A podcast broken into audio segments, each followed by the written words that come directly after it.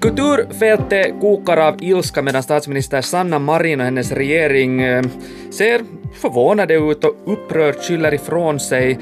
Så kan man kort sammanfatta den gångna veckans politiska storm och spektakel kring de förlorade kulturpengarna. Uh, vad tänker du om det här, Magnus Svanjung? Jag tänker att det här skulle vara en ganska sorglustig fars äh, om det inte skulle vara för det att det här trots allt handlar om människors utkomst äh, och det handlar om människors möjlighet att göra ett viktigt arbete för ungdomar, för idrott, för åldringar, allt det här som de här Veikkauspengarna egentligen handlar om. Ja, är allt det här som vi nu ser bara politisk teater eller vågar regeringen inte skära ner när någon börjar ropa högt. Det här ska vi reda ut här i nyhetspodden från Svenska Yle. Jag heter Johannes Taberman och med mig har jag alltså vår politikreporter Magnus Svanjung. Um, Magnus, som sagt, jag, jag försöker förstå vad det här handlar om, men jag hänger inte riktigt med och jag tror inte att jag är den enda, för har det inte varit klart redan rätt länge att just Veikkaus-pengarnas bortfall kommer att lämna efter sig ett stort hål i, i statens kulturkassa och har inte liksom statsministern själv nu varit med om att besluta att hur pengarna ska fördelas? Eh, så här är det förstås. Eh, alla har vetat att Inkomsterna från Veikkaus minskade beror dels på coronaepidemin men dels också på att man nu driver en spelpolitik som gör att färre ska spela, alltså får man mindre eh, inkomster. I våras under regeringens rambudgetförhandlingar så beslöt man att man kommer att kompensera det här bortfallet. Men man kommer inte att kompensera det fullt ut utan man kommer att kompensera det till 80 procent. Eh, och det betyder att eh, ungefär 80 miljoner peng, eh, euro eh, försvinner från alla de här goda ändamålen som, som Veikkauspengar har gått till, bland annat då kulturen. Och för kulturens del så skulle det gälla 18 miljoner som nu då har varit den här siffran i offentligheten de senaste dagarna. Och det här beslöt man om i våras och man beslöt också hur de här eh, inbesparingarna ska fördelas. Ehm, så där borde ju allting ha varit klart, men men nu då eh, så, så verkar Marin i sista stund ha, ha dragit tillbaka det här för att det blev ett väldigt obekvämt beslut att stå för. Ja, jag försöker just förstå att om man visste det här i våras så varför väcker det här liksom nu så starka känslor, både bland liksom kulturfolket och våra beslutsfattare? Hade någon hoppats på att det här liksom vårens beslut skulle ha glömts bort? Ja, regeringen har ju en viss historia nu redan att glömma bort vårens beslut själv och rätta till dem. Alltså vi hade, äh, det här påminner, det blir lite liksom déjà vu. Äh, vi hade de här nedskärningarna eh, av polisens pengar eh, som man hade fattat beslut om i våras och som man sen när det började blåsa tillräckligt i offentligheten så, så fick man hitta de där pengarna igen. Eh, och, och, så hade vi ehm, pengarna till Finlands akademi som också handlade handla om den här Veikkaus-soppan där det började blåsa tillräckligt mycket bland eh, vetenskapsmänniskor eh, så, så fick man ta tillbaka det beslutet och, och, och så här verkar det hända nu på nytt men här finns så många på något sätt nu smaskiga detaljer eh, i den här soppan som gör att det här, det här blir liksom lite mera fars som börjar med att att mer eller mindre eh, samtidigt som, som kulturminister Antti Kurvinen berättade om exakt hur de här nedskärningarna kommer att fördelas under kulturfältet så hade då eh, Sanna Marin en egen liten fest för, för kulturfolk eller, eller musiker på, på Villa bjällbås, försökt, där, där hon liksom på något sätt ville framstå som den stora räddaren och hon försökte hindra Kurvinen för att berätta om de här nedskärningarna. Och så. Ja, ja, den här mingelfesten kom ju, det kändes ju där som att Marin efter att kulturfötter under hela coronan har liksom riktat hård kritik mot regeringens kulturpolitik, så nu skulle man då på något sätt, man skulle bjuda lite på lite vin och lite mat och, och bjuda in de här eh, välvilligt inställda popartisterna och man skulle lyssna på dem och, och, och som sagt, två dagar senare så droppar man då den här eh, bomben. Så det är kanske inte så konstigt att uh, kulturfolk är upprört. Från ett snällt perspektiv kan man ju tänka sig att Sanna Marin nu är den rakryggade eh, ledaren som inser att det var ett misstag som man gjorde i våras och nu vill hon rätta till det. Hon ser att kulturfältet har lidit väldigt hårt och hon har bestämt sig för att man river upp det här beslutet och hittar pengar för dem.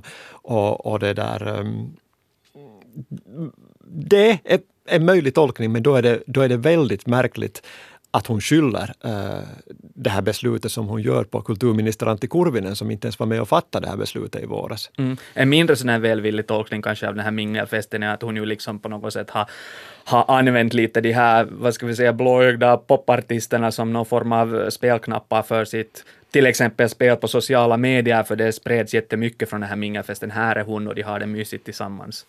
Mm, alltså hon, hon försöker ju alldeles uppenbart med någon slags charmoffensiv i förhållande till äh, kulturfältet. Frågan är då förstås hur, hur genomskinligt det är. Ja, och jag såg nyss en nästan tårögd Sanna Marin i mitt instaflöde, det var då efter att allt det här hade klarnat, som beklagar liksom i vädjande ton just de här senaste dagarnas kaotiska turer kring de här kulturpengarna och lovar då att beslutet nu ska dras tillbaka. Det hade hon meddelat redan tidigare på Twitter också, och att regeringens förtroende ska återställas. Hon verkar väldigt sådär personligt engagerad. Och det har hon gjort hela tiden. Vad, vad Mm, beror det på? Jag, jag såg en helt annan Sanna Marin i riksdagen igår Okej. när jag stod uh, bredvid henne och hon stod uh, med sitt stenansikte där och, och förklarade att regeringens förtroende bland uh, kulturarbetarna har lidit oerhört av den här soppan. Och så skyllde hon hela soppan på uh, kulturminister Antti Kurvinen från Centern som hon uh, slängde åt vargarna.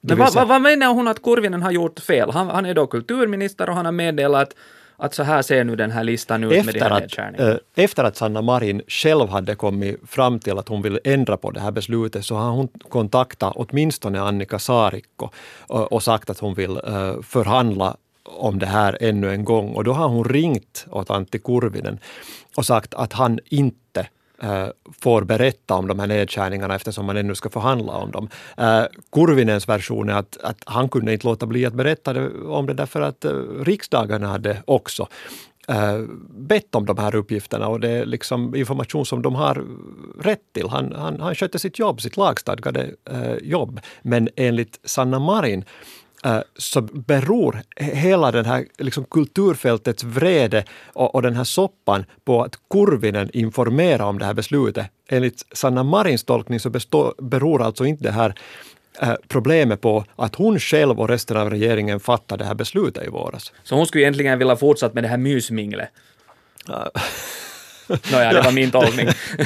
men, men, Det men var säkert roligt. Nej, det var säkert roligt, men jag tänker samtidigt liksom att, att den här omöjliga Veikkaus-ekvationen, den är ju inte den här regeringens fel på något vis. Jag menar, Veikkaus ekonomiska och vad ska jag säga, existentiella kris har ju blivit allt djupare under pandemin, men den har ju redan kritiserats och diskuterats redan länge. Ja, det här är ju eh, de här 18 miljonerna till kulturen som man nu talar om, så det är småpengar eh, om man tittar framåt. Um, inkomstbortfallet från Veikkaus handlar nu om kanske 400 miljoner euro per år eller någonting sånt. Och, och ännu har man eh, ingen susning om vad man ska göra efter nästa år. Alltså det finns ju ett förslag till exempel om att man kunde föra in de här pengarna i, i statsbudgeten. Eh, men, men det är ju inte ett svar på var man ska ta pengarna ifrån. Mm. Så, så, så, så jag försöker förstå, var står regeringen egentligen i den här frågan? För det verkar liksom komma väldigt olika signaler och besked från höger och vänster. Att Sanna Marin säger plötsligt på Twitter att nej, nu ska vi ändra det här och Kurvinen har innan dess liksom gått ut med den här listan som man inte fick gå ut med och, och Li Andersson sitter i någon TV-studio och hon kräver också att nej, det här pengarna ska nu skrapas fram och, och sen har vi finansminister Annika Saarikko som jag tyckte hon såg ut som en sån sammanbiten sfinx när hon skulle kommentera det här. Ja, hon var inte alldeles glad. Hon, hon sa till exempel att hon, hon har försökt förstå vad det är Sanna Marin vill och nu ska hon försöka som finansminister reda upp det här. Då. Um, vad är det de vill? Alltså, vårens beslut gick väl egentligen ut på att man försöker sakta maka anpassa sig för en tid när inkomsterna från Veikkaus kommer att minska och att den här nedförsbacken inte ska bli så fruktansvärt brant. Alltså man bestämde att man kompenserar inte nu, även om, jag menar, det är ingen som ifrågasätter att inte alla de här organisationerna, liksom kulturen, idrotten, ungdomsarbetet, att de behöver pengar. Men man bestämde sig för att man kompenserar inte dem fullt ut i år och, och, och att man sen måste fundera på hur man ska lösa det här i framtiden. För det, det är ju liksom inte heller ett alternativ att försöka få, få fler mummor att stå, stoppa in, in pengar i spelautomater, det, det, det är ju också liksom ett, en del av den här ekvationen. Ja, ja.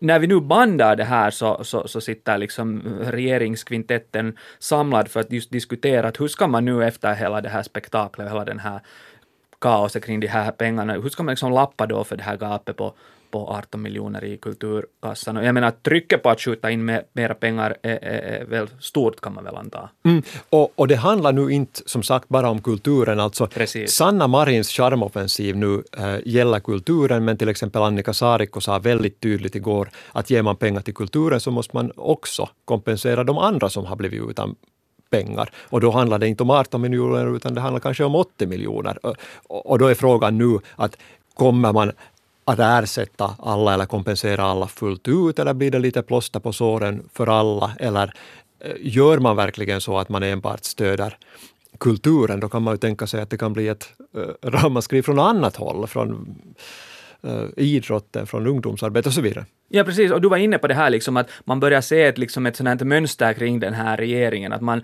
man fattar sådana här lite tuffa inte så trevliga beslut om nedskärningar och sen börjar någon härja och ropa och sen får man dåligt samvete typ och sen uh, drar man tillbaka det beslutet. Du nämnde just att det här gällde med uh, finansieringen för Finlands akademi och, och, och polisens uh, pengar liksom det låter ju som någon sån här budgivningspolitik som styr regeringen, kan man säga så? Ja, och sen verkar det ju som att det är de som ropar högst som nu då äh, får sina pengar om man ser på det här utifrån i varje fall. Jag menar, det var när polisen började hota med samarbetsförhandlingar och, och att de skulle skära ner just sådana verksamheter som var också viktiga just för den här regeringen, så då fick de eh, sina pengar. Eh, samma sak med, med vetenskapen, kulturen har varit ganska bra på att, att lobba eh, i offentligheten.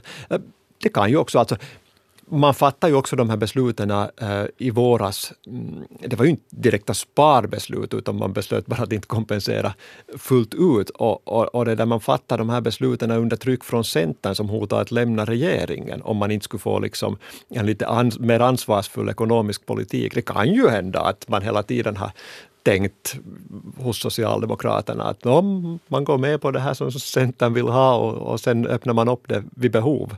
Uh, men, men inte ser det ju särskilt bra ut utåt. Och, och framförallt för de som är beroende av de här pengarna. Det handlar ju om riktiga människor. Eh, mm. Alltså att man inte får ett besked. Hur mycket liksom skulle du bedöma att det här äter på regeringens trovärdighet när den liksom inte står för sina egna beslut och, och man börjar liksom beskylla varandra inom regeringen?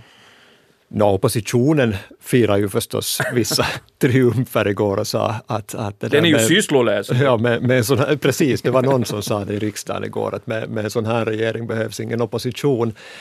Um, visst, säkert är det uh, på trovärdigheten, men inte det är ju så Eh, Sanna Marin viftade igår i riksdagen med något papper där hon, hon pekar på alla de eh, beslut som, som den förra regeringen eh, först fattade och sen rev upp. Och, och Marin sa också igår att att hon tycker att det är en helt normal och ansvarsfull politik att, att, det där, att om man har fattat beslut som sen visar sig vara liksom o, drabba någon på ett ohållbart sätt så, så då får man riva upp dem. Den här regeringen har ju liksom kritiseras annars också för sin ekonomiska politik.